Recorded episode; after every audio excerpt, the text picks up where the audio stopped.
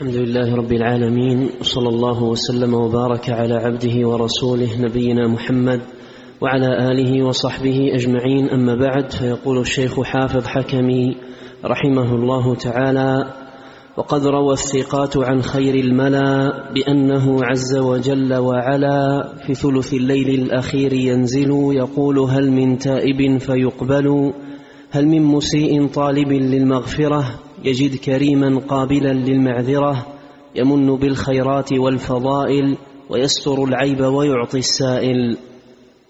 أي أيوة ومما يجب الإيمان به وإثباته وإمراره كما جاء صفة النزول للرب عز وجل كما ثبت في الأحاديث الصحيحة المشهورة عن فضلاء الصحابة كأبي بكر الصديق وعلي بن أبي طالب وأبي هريرة وأبي سعيد وجبير بن مطعم وجابر بن عبد الله وعبد الله بن مسعود وعمر بن عبسة ورفاعة الجهني وعثمان بن أبي العاص الثقفي وأبي الدرداء وابن عباس وعبادة بن الصامت وأبي الخطاب وعمر بن س... وعمر بن عامر السلمي وغيرهم رضي الله عنهم.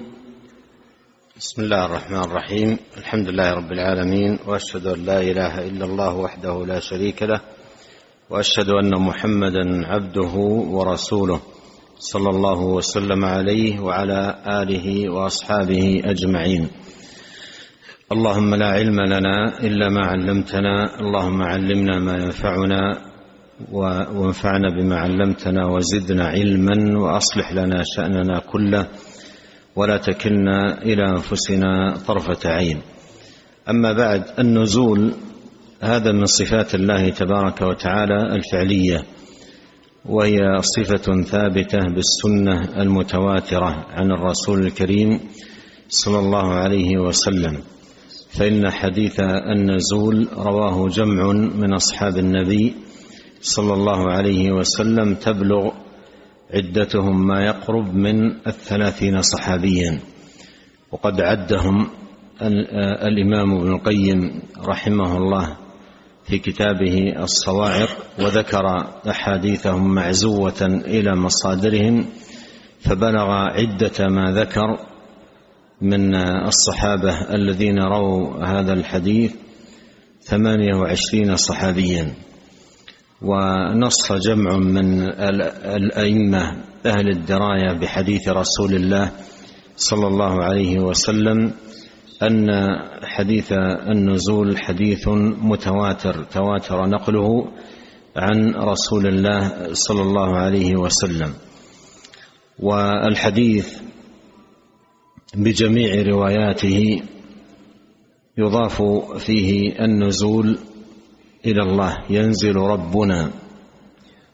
فالواجب أن نعتقد ذلك وأن نؤمن بهذا الذي أخبر به الرسول الكريم صلوات الله وسلامه وبركاته عليه وهو أعلم خلق الله بالله.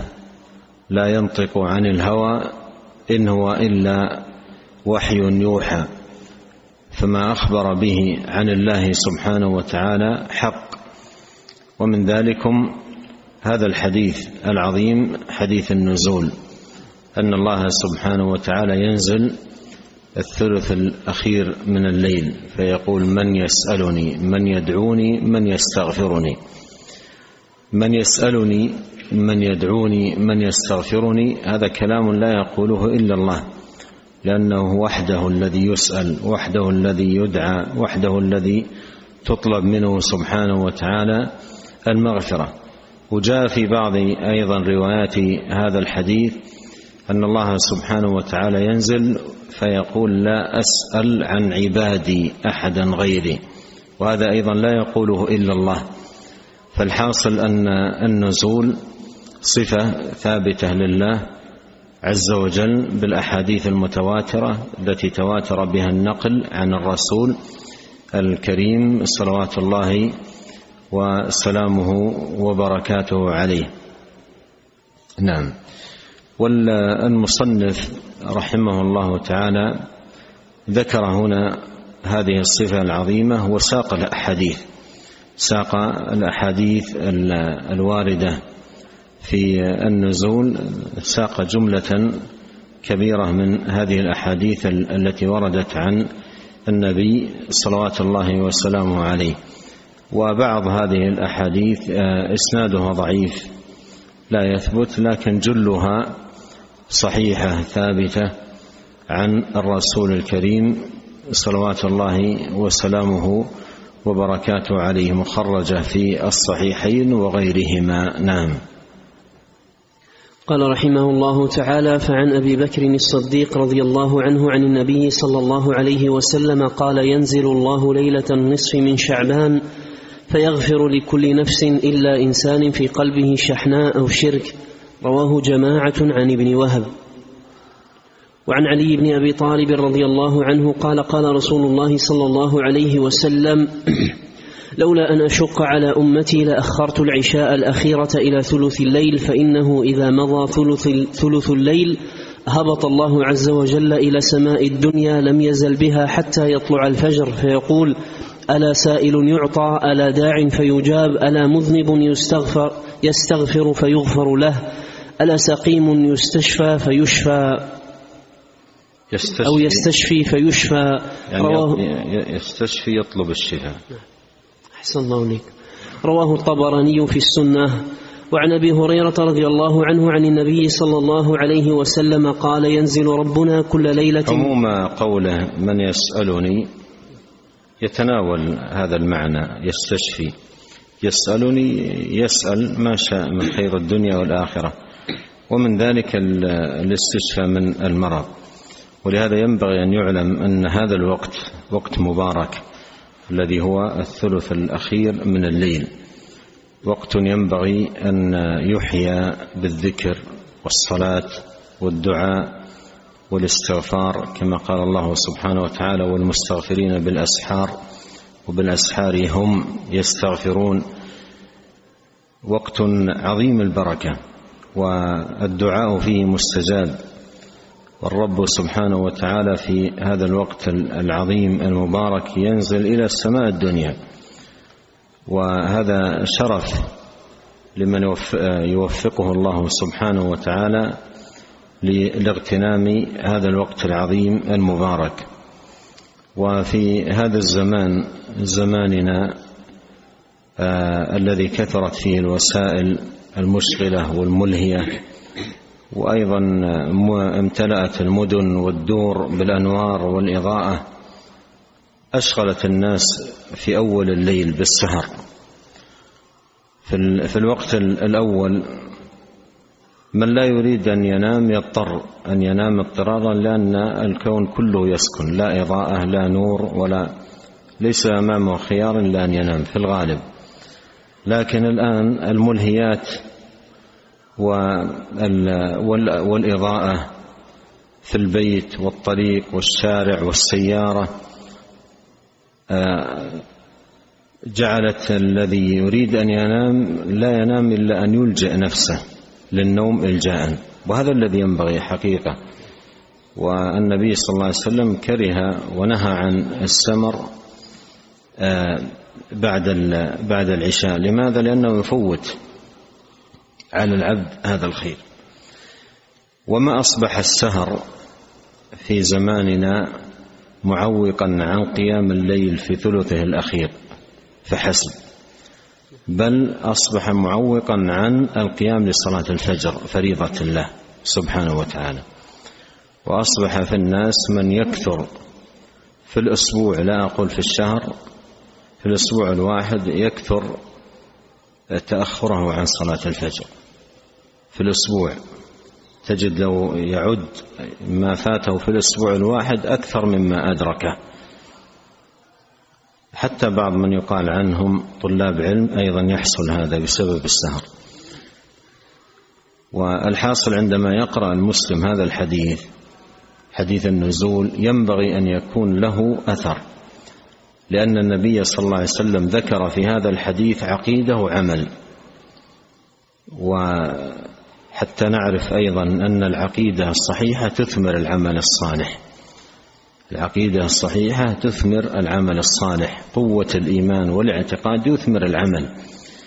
فلما قال عليه الصلاة والسلام ينزل ربنا إلى ينزل ربنا كل ليلة إلى ثلث ينزل ربنا كل ليلة في ثلث الليل الآخر.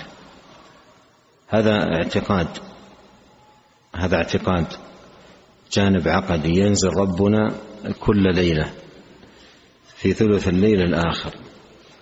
جانب عقدي يجب أن نعتقده ونؤمن به. قد أخبر به نبينا عليه الصلاة والسلام. يثمر هذا الاعتقاد العمل. من يدعوني من يستغفرني من يسألني وهذا الذي حقيقة ينبغي أن يكون للعقيدة أثر على العبد في سلوكه. أثر على العبد في سلوكه. فإذا اعتقد العبد أن الله ينزل عليه أن يدرك شرف هذا النزول وشرف هذا الوقت وعظيم فضله فيجعل لنفسه حظا. ونصيبا من نيل هذا الشرف ونيل هذا الخير. فيكون من هؤلاء العباد الذين يدعون الله ويستغفرونه ويسألونه. في هذا الوقت الشريف المبارك الذي لا يرد فيه الدعاء. لأن الله يقول فأعطيه فأغفر له فأجيبه. فالدعاء مستجاب والإستغفار مستجاب. فوقت عظيم ينبغي أن يحرص العبد أن يكون له حظ منه استغفارا ودعاء وصلاة وذكرا لله سبحانه وتعالى وتلاوة لكلام الله عز وجل. نعم. قال رحمه الله تعالى عن أبي هريرة رضي الله عنه عن النبي صلى الله عليه وسلم قال ينزل ربنا كل ليلة إلى سماء الدنيا حين يبقى ثلث الليل فيقول من يدعوني فأستجيب له من يسألني فأعطيه من يستغفرني فأغفر له. أخرجاه في الصحيحين. وفي رواية عن أبي هريرة رضي الله عنه وأبي سعيد رضي الله عنهما أنهما شهدا على رسول الله صلى الله عليه وسلم أنه قال إن الله يمهل حتى إذا كان ثلث الليل هبط إلى السماء الدنيا فنادى هل من مذنب يتوب؟ هل من مستغفر؟ هل من سائل؟ وفي مسند أحمد رحمه الله تعالى عن أبي هريرة رضي الله عنه عن النبي صلى الله عليه وسلم ينزل الله كل ليلة إذا مضى ثلث الليل الأول فيقول أنا الملك ومن ذا الذي يستغفرني فأغفر له؟ وحديث أبي هريرة رضي الله عنه في النزول قد تعددت طرقه في الصحيحين وسائر الأمهات. وقد ساقه إمام الأئمة أبو بكر محمد بن إسحاق بن خزيمة في كتاب التوحيد من أكثر من ثلاثين طريقا. عن أبي هريرة رضي الله عنه إلى النبي صلى الله عليه وسلم. وفي رواية عبد الرزاق عن معمر عن الزهري عن سعيد بن المسيب عن أبي هريرة رضي الله عنه عن النبي صلى الله عليه وسلم قال إن الله ينزل إلى السماء الدنيا وله في كل سماء كرسي فإذا نزل الله سماء الدنيا جلس على كرسيه ثم مد ساعديه فيقول من ذا الذي يقرض غير عديم ولا ظلوم؟ من ذا الذي يستغفرني فأغفر, فأغفر له من ذا الذي يتوب فأتوب عليه. فإذا كان عند الصبح ارتفع فجلس على كرسيه. رواه ابن مندى وقال وله أصل مرسل. ابن مندى في الرد على الجهمية. من رواه في الرد على الجهمية. لكن الإسناد إسناده ضعيف. في في الإسناد رجل ضعيف جدا. فالحديث بهذا اللفظ لم يثبت عن النبي الكريم صلوات الله والسلام عليه. نعم. قال رحمه الله تعالى وعن جبير بن مطعم رضي الله عنه عن النبي صلى الله عليه وسلم قال ينزل الله إلى سماء الدنيا كل ليلة فيقول جل جلاله هل من سائل فأعطيه. هل من مستغفر فأغفر له. حديث صحيح رواه النسائي وأبو الوليد الطيالسي. وعن جابر رضي الله عنه أن رسول الله صلى الله عليه وسلم قال إن الله ينزل كل ليلة إلى سماء الدنيا لثلث الليل فيقول ألا عبد من عبيدي يدعوني فأستجيب له أو ظالم لنفسه يدعوني فأغفر له. ألا مقتر عليه رزقه ألا, ألا مظلوم يستنصرني فأنصره. ألا عان يدعوني فأفك عنه فيكون ذلك مكانه حتى يفيء الفجر حتى يعلو ربنا عز وجل إلى السماء العليا على كرسيه رواه الدار قطني. وعن ابن مسعود رضي الله عنه عن النبي صلى الله عليه وسلم قال إن الله تعالى إذا كان ثلث الليل الآخر نزل إلى سماء الدنيا ثم بسط يده فقال من يسألني فأعطيه حتى يطلع الفجر. حديث حسن رواه أحمد في مسنده ورجاله, ورجاله أئمة ورواه أبو معاوية بلفظ إن الله تعالى يفتح أبواب السماء ثم يهبط إلى السماء الدنيا ثم يبسط يده فيقول ألا عبد يسألني فأعطيه حتى يطلع الفجر. وعن رفاعة الجهني قال قال رسول الله صلى الله عليه وسلم إذا مضى نصف الليل أو ثلث الليل نزل الله إلى سماء الدنيا فقال لا أسأل عن عبادي غيري. من ذا الذي يستغفرني فأغفر له. من ذا الذي يدعوني فأستجيب له. من ذا الذي يسألني فأعطيه. حتى ينفجر الفجر. حديث صحيح رواه أحمد في مسنده. وعن عثمان بن أبي العاص الثقفي رضي الله عنه عن النبي صلى الله عليه وسلم ينزل الله إلى سماء الدنيا كل ليلة فيقول هل من داع فأستجيب له هل من سائل فأعطيه هل من مستغفر فأغفر له. وأن داود خرج ذات ليلة فقال لا, يس لا يسأل الله شيئا إلا أعطاه إلا أن يكون ساحرا أو عشارا. رواه الإمام أحمد بنحوه. قال وعن أبي الدرداء رضي الله عنه قال قال رسول الله صلى الله عليه وسلم ينزل الله تبارك وتعالى في آخر ثلاث ساعات بقين من الليل ينظر في الساعة الأولى منهن في الكتاب الذي لا ينظر فيه غيره فيمحو ما يشاء ويثبت ثم ينظر في الساعة الثانية في جنة عدن وهي مسكنه الذي يسكن. لا يكون معه فيها إلا الأنبياء والشهداء والصديقين والصديقون وفيها ما لم يرى أحد ولم يخطر على قلب بشر.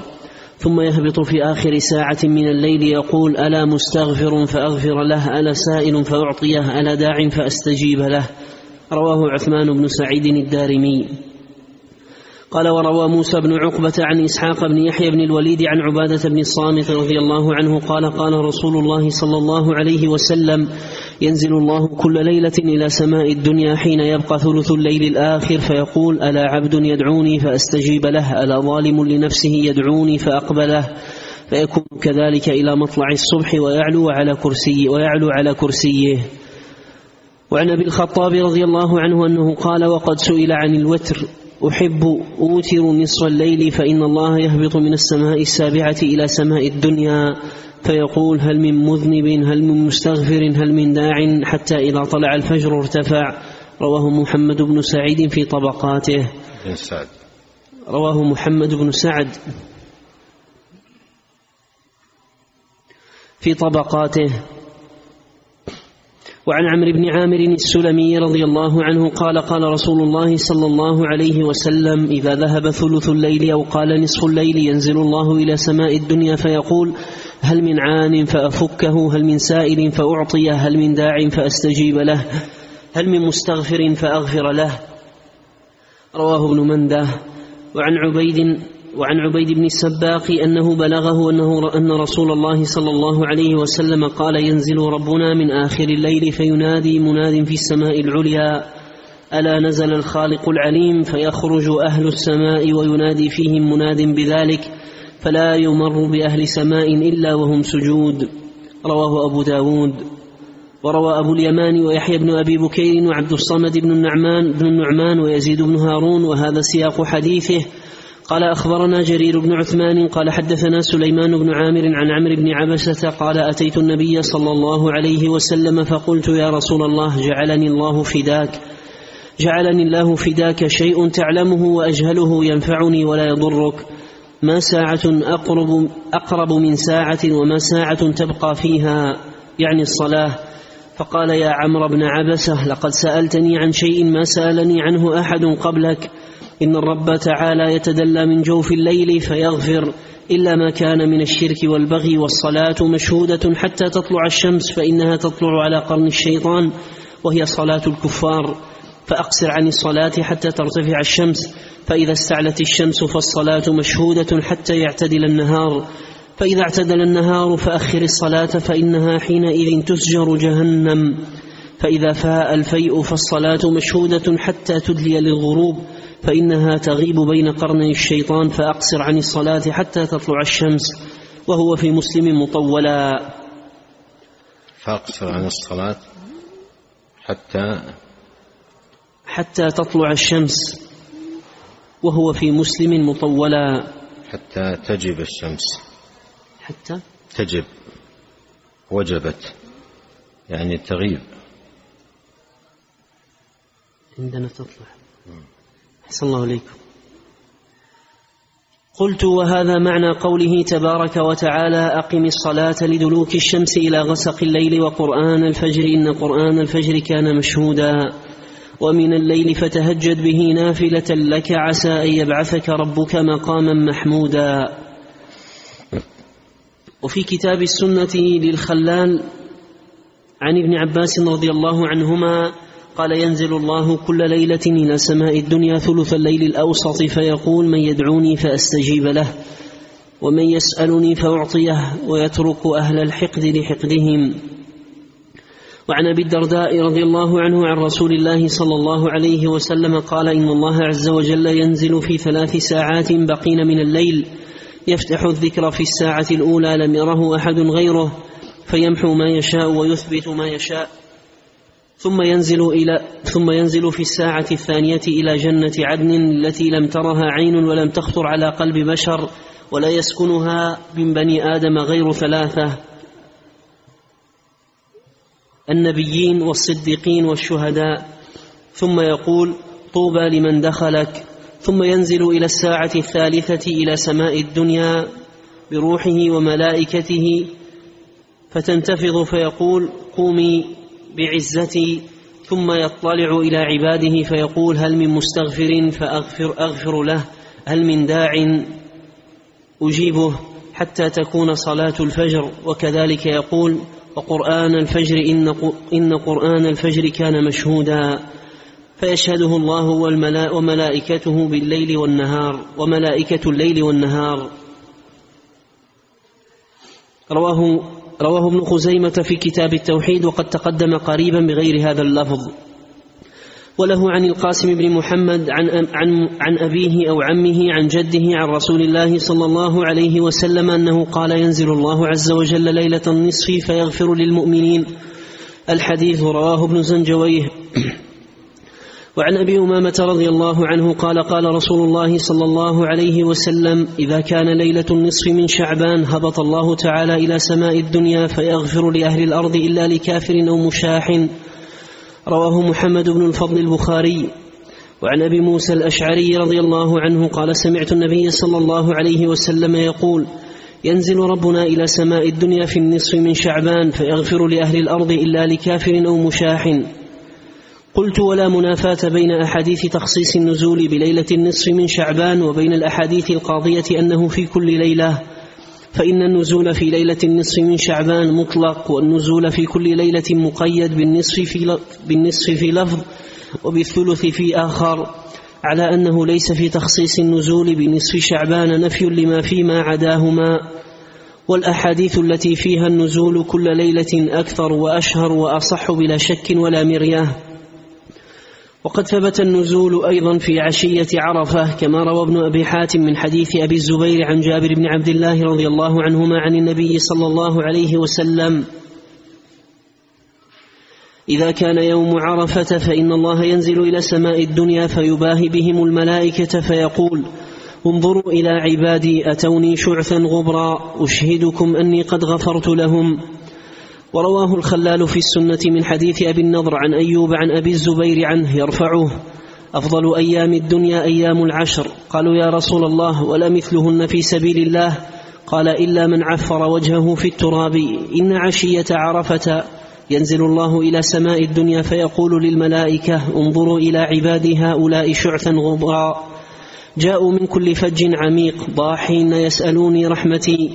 فلا يرى يوم أكثر عتيقا ولا عتيقة وروى خلاد بن يحيى قال حدثنا عبد الوهاب عن مجاهد عن ابن عمر رضي الله عنهما قال كنت جالسا عند النبي صلى الله عليه وسلم فجاء رجلان أحدهما أنصاري والآخر ثقفي فذكر الحديث وفيه إن الله ينزل إلى السماء الدنيا فيقول للملائكة هؤلاء عبادي جاءوني شعثا غبرا من كل فج عميق. اشهدوا أني قد غفرت لهم ذنوبهم. رواه طلحة عن مجاهد به. وقد روي النزول في رمضان وليس هو نافيا له في غيره. هذا الذي في شعبان آه، ساق المصنف عدد من الأحاديث لكن في أسانيدها مقال والذي جاء في مسلم ثابتا عن النبي عليه الصلاة والسلام ما من يوم أكثر من أن يعتق فيه عبدا من النار من يوم عرفة. وإنه ليدنو وإنه ليدنو فيباهي بهم ملائكته. يقول ما أراد هؤلاء؟ فجمع هذا الحديث هو في صحيح مسلم من حديث عائشة أربعة فضائل عظيمة ليوم عرفة. منها الدنو دنو الله سبحانه وتعالى من عباده في تلك العشية المباركة. نعم. أحسن الله عليك. قال رحمه الله تعالى وقد روي النزول في رمضان وليس هو نافيا له في غيره.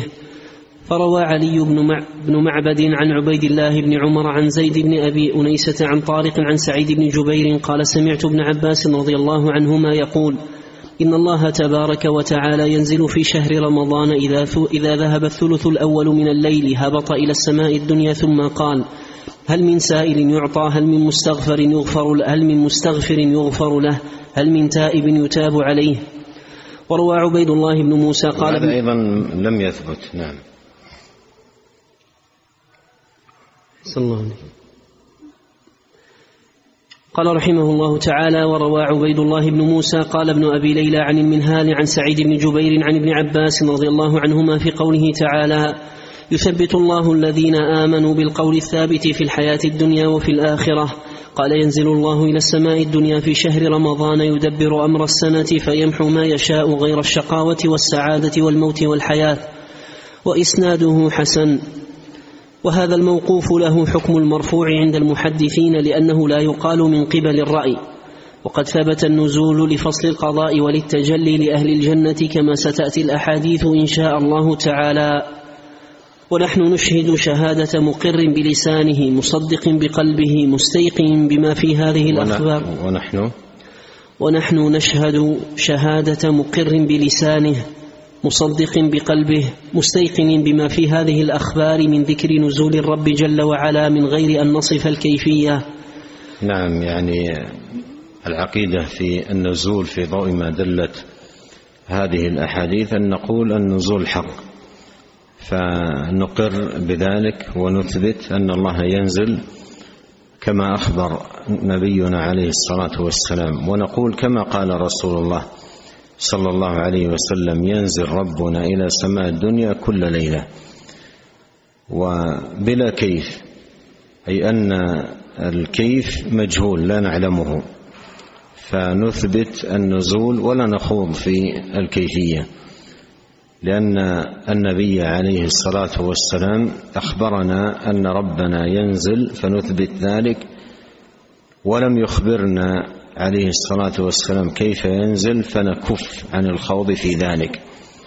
لأن من خاض في الكيفية خاض فيما ليس له به علم وقف ما وقف ما ليس له به علم وهذا من أشد المحرمات. وأن تقولوا على الله ما لا تعلمون. نعم. قال رحمه الله تعالى ونحن نشهد شهادة مقر بلسانه مصدق بقلبه مستيقن بما في هذه الأخبار من ذكر نزول الرب جل وعلا من غير أن نصف الكيفية لأن نبينا المصطفى صلى الله عليه وسلم لم يصف كيفية نزول خالقنا إلى السماء الدنيا وأعلمنا أنه ينزل. والله جل وعلا لم يترك ولا نبيه صلى الله عليه وسلم بيان ما بالمسلمين إليه الحاجة من أمر دينهم. فنحن القائلون مصدقون بما في هذه الأخبار من ذكر النزول كما يشاء ربنا وعلى ما, لا يليق وعلى ما يليق بجلاله وعظمته. عز وجل غير متكلفين القول بصفته أو بصفة الكيفية. إذ النبي صلى الله عليه وسلم لم يصف لنا كيفية النزول فنسير بسير النصوص حيث سارت ونقف معها حيث وقفت لا نعدوها إن شاء الله تعالى ولا نقصر عنها. نعم لا نعدوها أي لا نتجاوزها ولا نقصر عنها. هذا كلام عظيم جدا وقاعدة جامعة في في باب الصفات أن نسير بسير النصوص. هذا كلام عظيم جدا. نسير بسير النصوص حيث سارت ونقف معها حيث وقفت. مثل ما قال أحد السلف أظنه الأوزاعي قال ندور مع السنة حيث دارت. ندور مع السنة حيث دارت أي إثباتا ونفيا. فما ثبت في الكتاب والسنة اثبتناه وما نفي في الكتاب والسنة نفيناه فهذا كلام عظيم للشيخ. يقول فنسير بسير النصوص حيث سارت أي النصوص. ونقف معها حيث وقفت لا نعدوها أي لا نتجاوزها ولا نقصر عنها. وهذا هو المنهج الوسط الذي يجب عليه أن يكون عليه المسلم وهو الوقوف مع النصوص دون غلو أو جفاء ودون إفراط أو تفريط. نعم. قال رحمه الله تعالى إذ النبي صلى الله عليه وسلم لم يصف لنا كيفية النزول فنسير بسير النصوص حيث سارت ونقف معها حيث وقفت. نسير بسير النصوص حيث سارت. مثلا في هذا الباب النبي صلى الله عليه وسلم أثبت النزول نثبته. ونقف معها, حيث وقفت لم يثبت الكيفية فنقف ما نتكلم فيها. هذا هو السير مع النصوص. نعم. لا نعدوها إن شاء الله تعالى ولا نقصر عنها. ولا نقصر. ولا نقصر عنها. وقد تكلفت جماعة من مثبت المتكلم من مثبتي المتكلمين فخاضوا في معنى ذلك وفي ذلك الانتقال وعدمه وفي خلو العرش منه وعدمه نفيا وإثباتا وذلك تكلف منهم. ودخول فيما لا يعنيهم وهو ضرب من التكييف لم يأتي في لفظ النصوص ولم يسأل الصحابة النبي صلى الله عليه وسلم عن شيء من ذلك حين حدثهم بالنزول. فنحن نؤمن بذلك ونصدق به كما آمنوا وصدقوا. فإن قال لنا متعنت أو متنطع يلزم من إثبات كذا كيت وكيت في أي شيء من صفات الله. قلنا له أنت لا تلزمنا نحن فيما تدعيه. وإنما تلزم قائل ذلك وهو رسول الله صلى الله عليه وسلم. فإن كان ذلك لازم فإن كان ذلك لازما لما قاله حقيقة وجب الإيمان به إذ لازم الحق حق. وإن لم يكن كذلك ولم وإن لم يكن ذلك لازما له فأنت معترض على النبي صلى الله عليه وسلم. هذا كاذب عليه. نعم أكمل. متقدم بين يديه. هذا كلام مهم جدا في باب الرد على المبطلة نفاة الصفات. لأن المبطل يأتي بلوازم يتكئ عليها في نفي الصفة. فمثلا في في النزول يقول يلزم من إثباتكم النزول كيت وكيت. يعني من اللوازم العقلية التي يوردها وبموجبها يريد أن يتوصل إلى نفي النزول. مثلا كأن يقول مثل العبارات التي ذكر الشيخ انه يلزم من ذلك الانتقال والحركة ويلزم من ذلك أشياء يذكرونها لوازم. فأول ما تجيبه في هذا الباب تقول له هذا الذي أثبته أنا اثبته بناء على إثبات النبي صلى الله عليه وسلم له. فإن كان فإن كنت تدعي أن هذه اللوازم فلا توردها علي أنا. لا تقل يلزمك وإنما تقول يلزم النبي عليه الصلاة والسلام أن يلزمه في في ذكر النزول كذا وكذا. وهذا ما لا يجرؤ عليه. ما لا يجرؤ عليه هؤلاء وإن كان بعضهم قد يصل إلى إلى ذلك. لأن صاحب الحق إنما أثبت ما أثبته النبي صلوات الله وسلامه عليه. ثم تقول له الذي قاله النبي عليه الصلاة والسلام حق. الذي قاله النبي صلى الله عليه وسلم حق.